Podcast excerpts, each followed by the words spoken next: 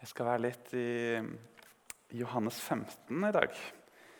Eh, og så har jeg vært så lite planlagt at det har jeg ikke avtalt med skjermen. Men hvis du, Ingrid, kan du ta det opp etter hvert, så, eh, i, gjerne i 2011-versjonen. La oss fortsette å be litt. Husk at lovsang er bønn, så vi bare fortsetter litt i bønn.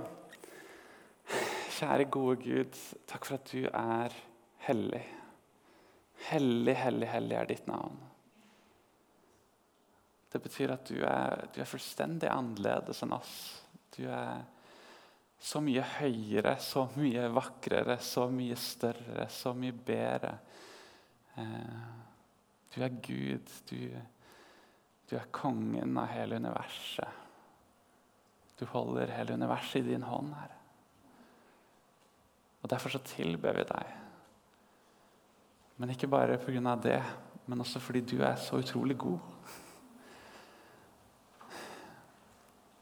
Og din godhet den, den skaper en respons i våre hjerter. Herre, at Vi ønsker å tilbe deg, vi ønsker å løfte opp ditt navn. Vi ønsker å, å uttrykke vår takknemlighet til hvem du er. Og Det er derfor vi kommer sammen her. og Herre, jeg bare ber om at i kveld så skal vi få møte deg. Vi skal få lov til å legge ned det som måtte være våre bekymringer eller eh, strev. Alt som måtte skille oss fra deg, Gud. Takk for at vi kan legge det ned akkurat nå. At vi kan få lov til å ta opp eh, din fred, din glede. Og vi kan få lov til å tilbe deg, Herre, med, med frie og løftede hender. Hellig er ditt navn. For det var mitt kors du bar. Tusen takk, Jesus.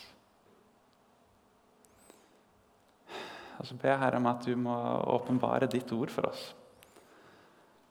Du ser her at jeg bare var et svakt menneske her som skal prøve å formidle noe av din storhet og, og, hva som er på ditt hjerte. Gud. Jeg bare ber om at du må gi meg kraft, og at vi må ha åpne hjerter, Herre. Alle sammen, meg sjøl inkludert, til å ta imot det du sier. I Jesu navn. Amen. Kjekt å se dere igjen. Det talte jo her for to uker siden. Og I forrige uke så hadde vi Kolbjørn Bø på besøk. Det var veldig, veldig stas, syns jeg. Det var fantastisk det han hadde å formidle oss av dette med gleden i kallet. Um, han er jo virkelig en mann som har en erfaring på det, kan vi si. Han har jobbet over 30 år i Misjonssambandet og mye med barn og unge. da. Ehm, jeg tenkte jeg skulle på en måte bygge litt på det som vi har snakket om de siste gangene. For to uker siden så snakket jeg om glede ut fra Jesaja 61. Dette, denne gleden vi har i at vi er frelst. I at uh, det er et, ropt ut et nådens år fra Herren. Og, og, at Jesus har kommet for å sette, sette oss fri. Eh, så snakket Kolbjørn om dette med å tjene ut ifra det som Paulus sier, at ja, han hadde liksom alt på stell. Han, han kunne skryte av at han var fariseer og han fulgte loven plettfritt. og alle de tingene der. Han, måte, han hadde grunn til å være stolt, men så sier han at han regner alt det for verdiløst skrap sammenlignet med det å, å tilhøre Jesus, det å, å fortjene Han. Det å få kjenne Jesus. Det er så utrolig mye mer verd. Det er en glede som kommer av det å få kjenne Jesus og få lov til å være i tjeneste med Han. Og så um, har jeg bedt mye over hva, hva, jeg skulle dele med dere i dag. Da. Og så kom jeg egentlig fram til dette verset i Johannes 15. Um, men jeg kan sette det litt inn i kontekst først. Um, I Johannes 15 så snakker uh, Jesus om dette med at han er det sanne vintreet. Og at uh, hver grein som blir værende på han, uh, de bærer frukt. Det er ikke sånn at greinene må streve for å bære frukt. Nei, de trenger bare å bli værende på, på stammen, på treet, som er Jesus. Ja, så sier han at, at 'bli i meg, så blir jeg i dere'. Og Slik som greinene ikke kan bære frukt av seg selv, men bare hvis de blir på vintreet, Slik kan heller ikke dere bære frukt hvis dere ikke blir i meg. Eh, og Så snakker han videre om, om bønn og at, at, Guds vilje er at, at, vi skal be. Og han ønsker å gi oss det vi, det vi ber om, slik at vi kan bære mye frukt. Fordi da blir Far æret, altså da blir Gud æret ved våre liv, at vi bærer mye frukt. Og Så kommer vi egentlig til de versene som jeg tenkte å ha, ha mest fokus på. Johannes 15, vers 9. Som far har elsket meg, har jeg elsket dere. Bli i min kjærlighet. Hvis dere holder mine bud, blir dere i min kjærlighet, slik jeg har holdt min fars bud, og blir i hans kjærlighet. Dette har jeg sagt dere for at min glede skal være i dere, og deres glede kan bli fullkommen. Og dette er mitt bud. Dere skal elske hverandre som jeg har elsket dere. Ingen har større kjærlighet enn den som gir livet for vennene sine. Dere er mine venner hvis dere gjør det jeg har befalt dere. Jeg kaller dere ikke lenger tjenere, for tjeneren vet ikke hva Herren hans gjør. Jeg kaller dere venner, for jeg har gjort kjent for dere alt jeg har hørt av min far. Dere har ikke utvalgt meg, men jeg har utvalgt dere og satt dere til å gå ut og bære frukt, en frukt som varer. Da skal Far gi dere alt dere ber om i mitt navn. Dette er mitt bud til dere. Elsk hverandre.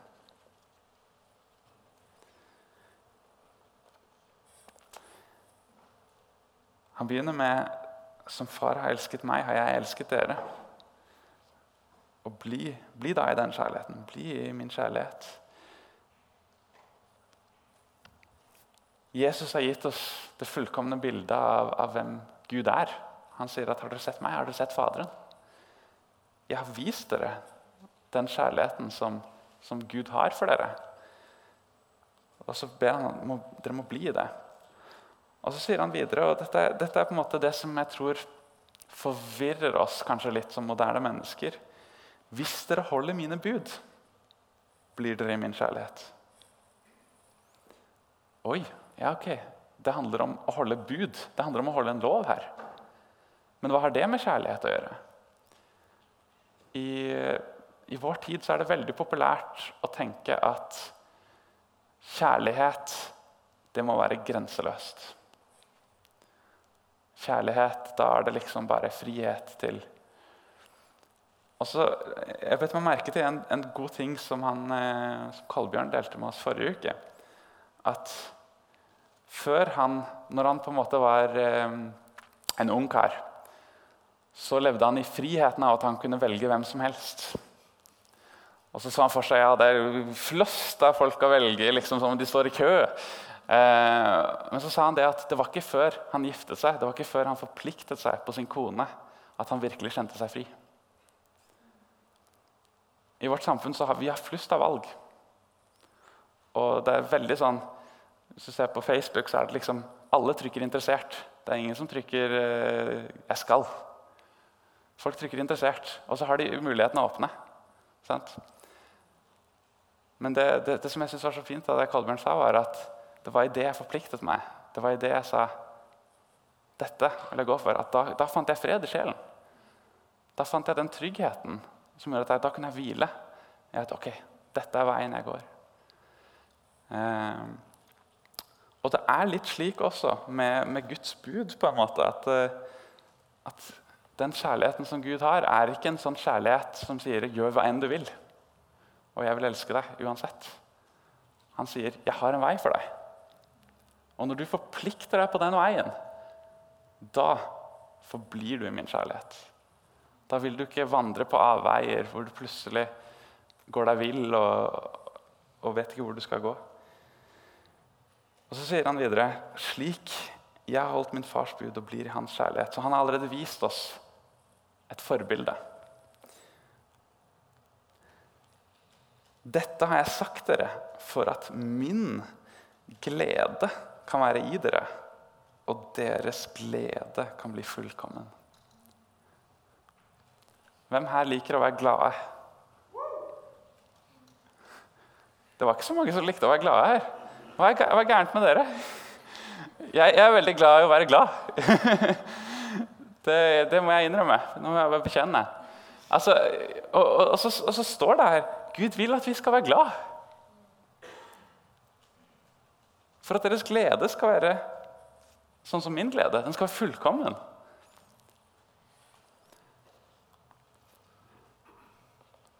Og dette er mitt bud. Dere skal elske hverandre som jeg har elsket dere. Ingen har større kjærlighet enn den som gir livet for vennene sine.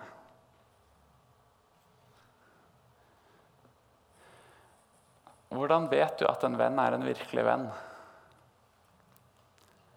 Det er ikke så lett alltid. For det, du kan tro at, at, det er en god venn. Vi har hatt gode samtaler, og, og det oppleves byggelig å ha fellesskap. Men, eh, men hva, hva, med når de virkelig står i knipa? Hvem er det som er der da? Ofte så kan det være overraskende. altså. Jeg hørte en historie om eh, to kompiser. Eh, og Dette var i et annet land, men de var på, på tur i telt og ute i skogen. Og så plutselig så hørte de noe. Og så ser de langt borti skogholtet en eh, grizzlybjørn som kommer mot dem. Og han ene begynner liksom å ta på seg skoa kjapt. Og så, og så, spør han andre hva, tror du at du skal løpe fra bjørn. liksom? Han tenkte, hva er dette her for noe? Så sa han nei, jeg trenger ikke å løpe fra bjørn, jeg trenger bare å løpe fra deg. Det er ikke før uh, i prøvelsen at du vet hvem som er de virkelige vennene. Og Ofte kan det overraske. Og det er noe i det som Jesus sier her, at, at som, det er ingen som har større kjærlighet enn den som gir livet sitt for vennene sine.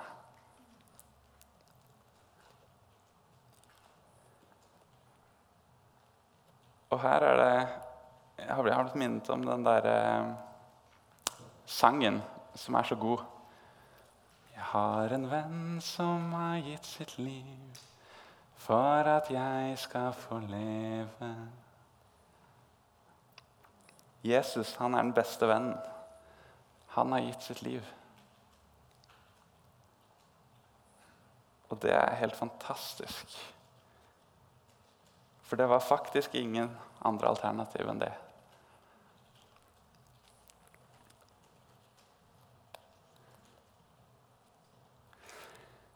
Og så står det videre, vers 14. Dere er mine venner hvis dere gjør det jeg har befalt dere. Og den, den tror jeg mange stusser over. altså. Som, som, på en måte, kanskje moderne mennesker så, så, leser vi det og bare Hadde du akseptert hvis jeg sa nede i U nå jeg vil gjerne være vennen din? Å, så hyggelig. Det var fint. Men jeg har et krav. Du må gjøre alt det jeg sier. Hadde du vært, ville vært vennen min, da?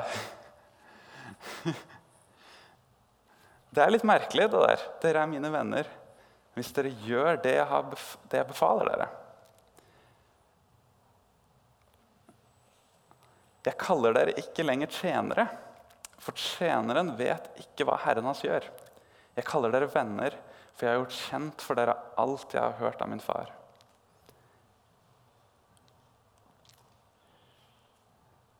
Jeg kaller dere ikke lenger tjenere. Impliserer jo at han kalte det tjenere før. sant? Og slik som det var med en rabbi og eh, Altså en rabbi, en lærer, en jødisk lærer som hadde disipler, som egentlig betyr lærlinger. Eh, det var ikke helt likt sånn som det er med lærlinger av en elektriker. Eksempel. Der er det gjerne at det er visse ordninger, og på en måte du skal være der for å lære, men du tenker ikke at liksom, du er en tjener. Men eh, på denne tida så var det litt mer sånn. Altså var, du, skulle, du skulle bli lik din læremester.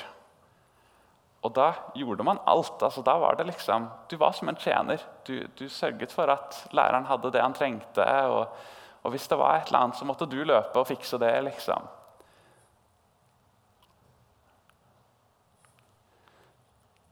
Du sto ikke, du sto ikke på samme nivå som Herren. Og så så jeg litt inn i dette ordet. da. Kaller dere ikke lenger tjenere. Ordet for tjener på gresk er dulos doulos og betyr egentlig slave. Og de aller aller fleste stedene i Det nye testamentet så er den oversatt slave. Slaven som, eh, som kommer den, og sier fra til den romerske offiseren. Og, altså det, det, ordet betyr slave, egentlig. Og så er det jo litt sånn at når vi tenker slave i vår kontekst, så tenker vi gjerne på eh, skip fulle av afrikanere på 1800-tallet på vei til USA. Vi tenker kanskje på filippinske sexslaver. Det er vår kulturelle kontekst for det ordet. Og det er nettopp derfor de har unngått det.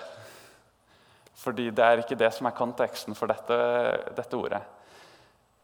Ja, det, var, det, betyr slave i den forstand av at man ikke har frihet til å bare gjøre hva enn man vil. Man var ikke en fri mann, man var ikke en jordeier. Men man var heller ikke en som ble misbrukt.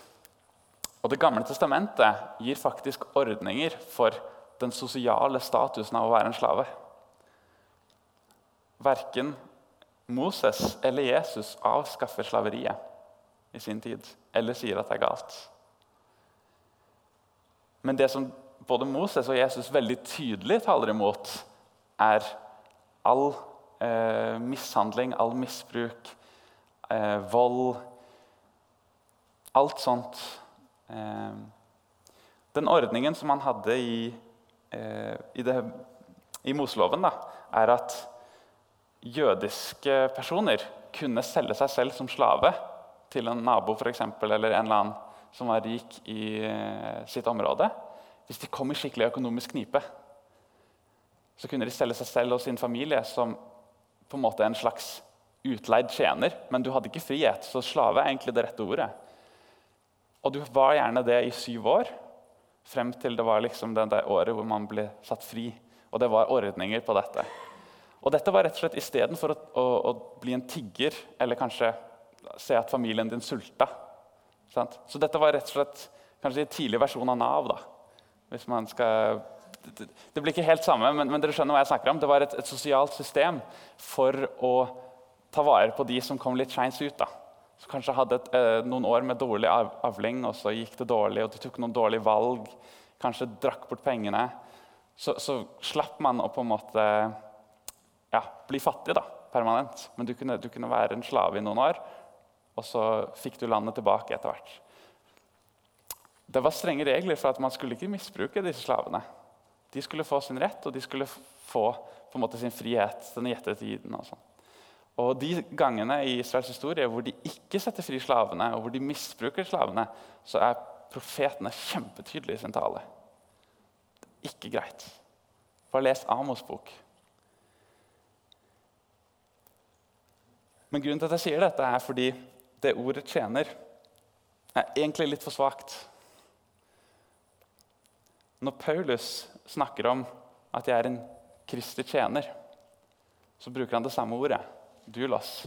Egentlig så er jeg, jeg er en slave for Kristus. Og Poenget er at jeg har ikke friheten til å definere rett og galt sjøl. Jeg har ikke friheten til å, å, si 'dette vil jeg gjøre', og så gjør jeg det. Nei, jeg sier at Jesus er herre, og hans vilje vil jeg gjøre. Og Det er det som er konteksten for disse tingene som han sier om, eh, om det å være en venn. Dere er mine venner hvis dere gjør det jeg har befalt dere. Vi kan ikke være Jesu venn hvis vi ikke først har Han som Herre.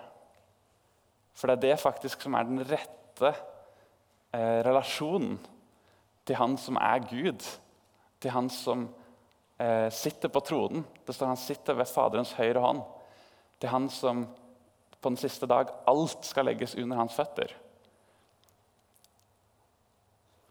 Det er veldig mange kristne i dag som, har, som sier at de er venn av Jesus. Men hvor det er åpenbart i måten de lever sitt liv, at de ikke har det som herre. Og Her sier Jesus rett ut dere er mine venner hvis dere gjør det jeg har befalt dere. Og Et sted litt senere her i Johannes så står det at, at den som elsker meg, holder mine bud. Det er ikke så populært å si i dag, men det er, det er faktisk det som er realiteten.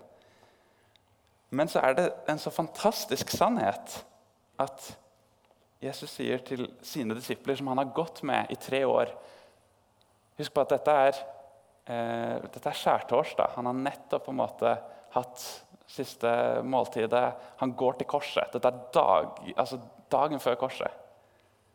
Det er helt, et av de siste tingene han vil formidle, er disse tingene her. Han har gått med de i tre år. De har vært tjenere for han. Og så sier han at 'jeg kaller dere ikke lenger tjenere, men jeg kaller dere for venner'.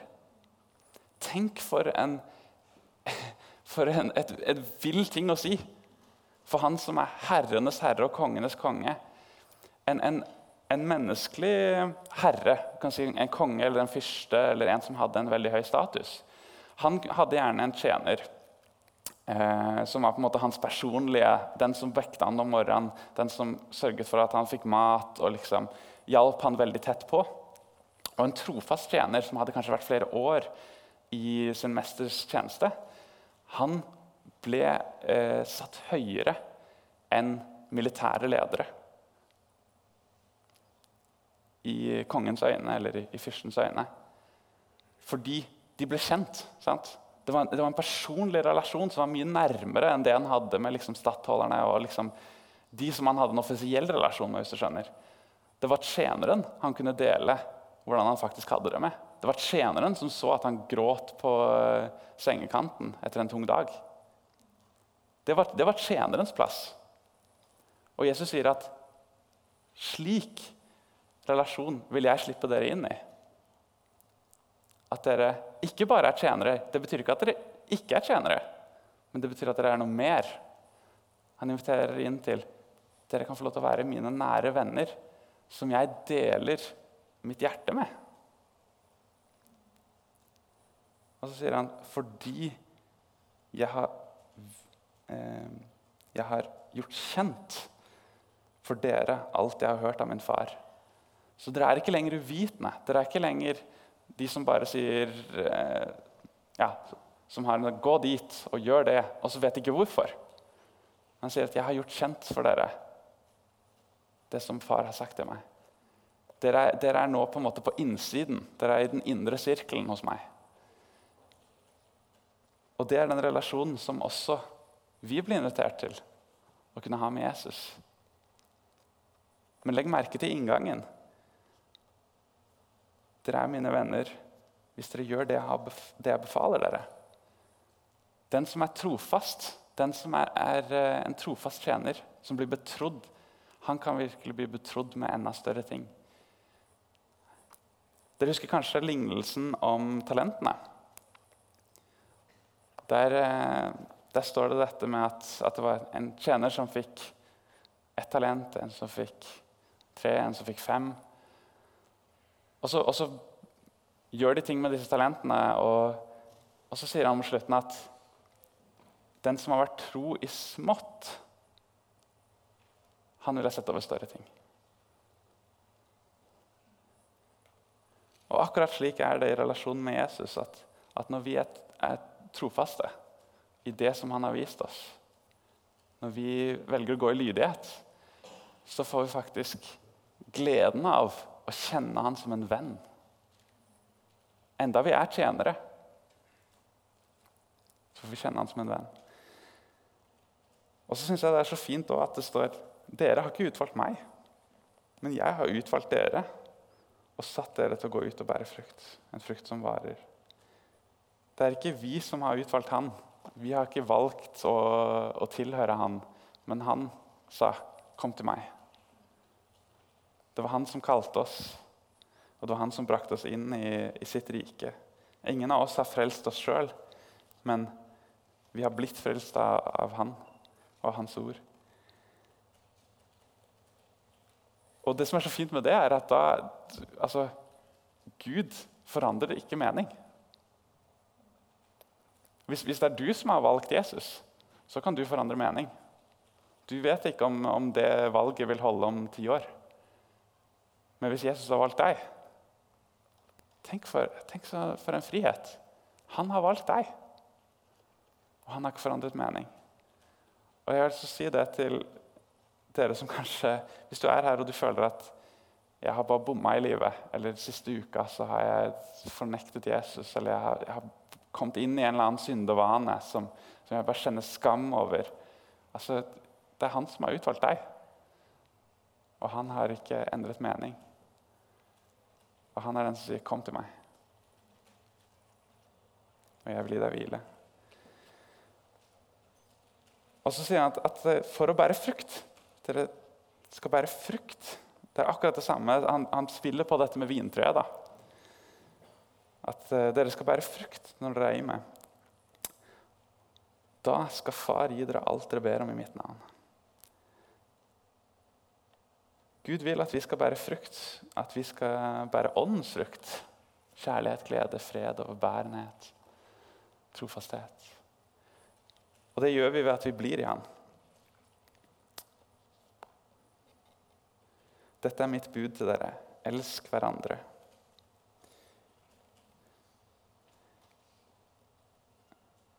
Det som er så fint med, med dette budskapet, er at vi står fri til å tjene Gud, ikke for å bevise noe og ikke for å få noe, men fordi vi er blitt satt fri til å tjene, på en måte. For på, du, du, kan egentlig velge mellom to ulike slaveri. Og det er dette ikke verden skjønner. Og det er mange som ikke skjønner dette. Og, og egentlig så må du erfare det. Du har et valg. Enten så kan du være slave av verden, av dine egne lyster. Altså, du vil alltid bli påvirket av det dette samfunnet sier.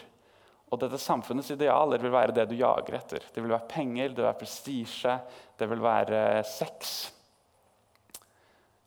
Du kan være slave av lystene dine, eller du kan være slave av Kristus.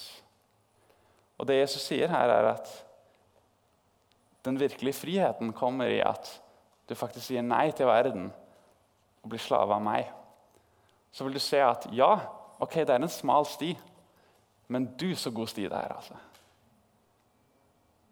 Tenk så fantastisk at vi kan få lov til å være slaver av Kristus som blir kalt for venner. Som får lov til å kjenne hans hjerte. Jeg håper vi vil det. Jeg håper vi har en lengsel etter det. Å få være en venn av Jesus. Og så er det også slik at han vet veien til det evige liv, til de evige boliger.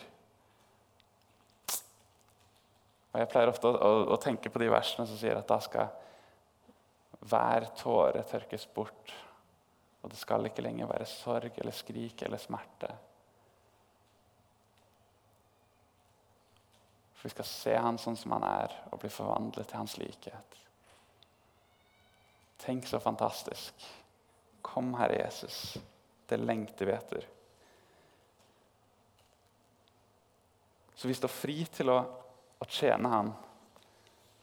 Ikke fordi vi skal fortjene noe, men fordi Han har gitt oss alt. La oss be. Og jeg kjenner bare på nå altså at, eh, at, hvis du vil, så kan du knele sammen med meg. Jeg kjenner jeg skal knele. Å knele er egentlig bare et uttrykk for overgivelse. Det er et uttrykk for at, at jeg vil si at jeg står lavere enn deg, Gud. Eh, jeg vil løfte deg opp. Herre Jesus, takk for at vi får lov til å være dine slaver. At vi får tilhøre deg. Du er en god herre. Jeg ber at du viser oss hvor fantastiske nyheter dette er. Herre, jeg har, jeg har prøvd å være herre i mitt eget liv. Og du, så fæl slavedriver jeg kan være. Mot meg selv og mot andre.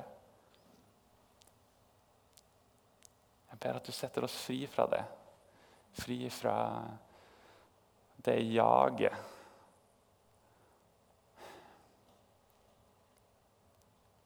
Hjelp oss, Herre, til å, å legge våre liv i dine hender og stole på at du er en god herre At du,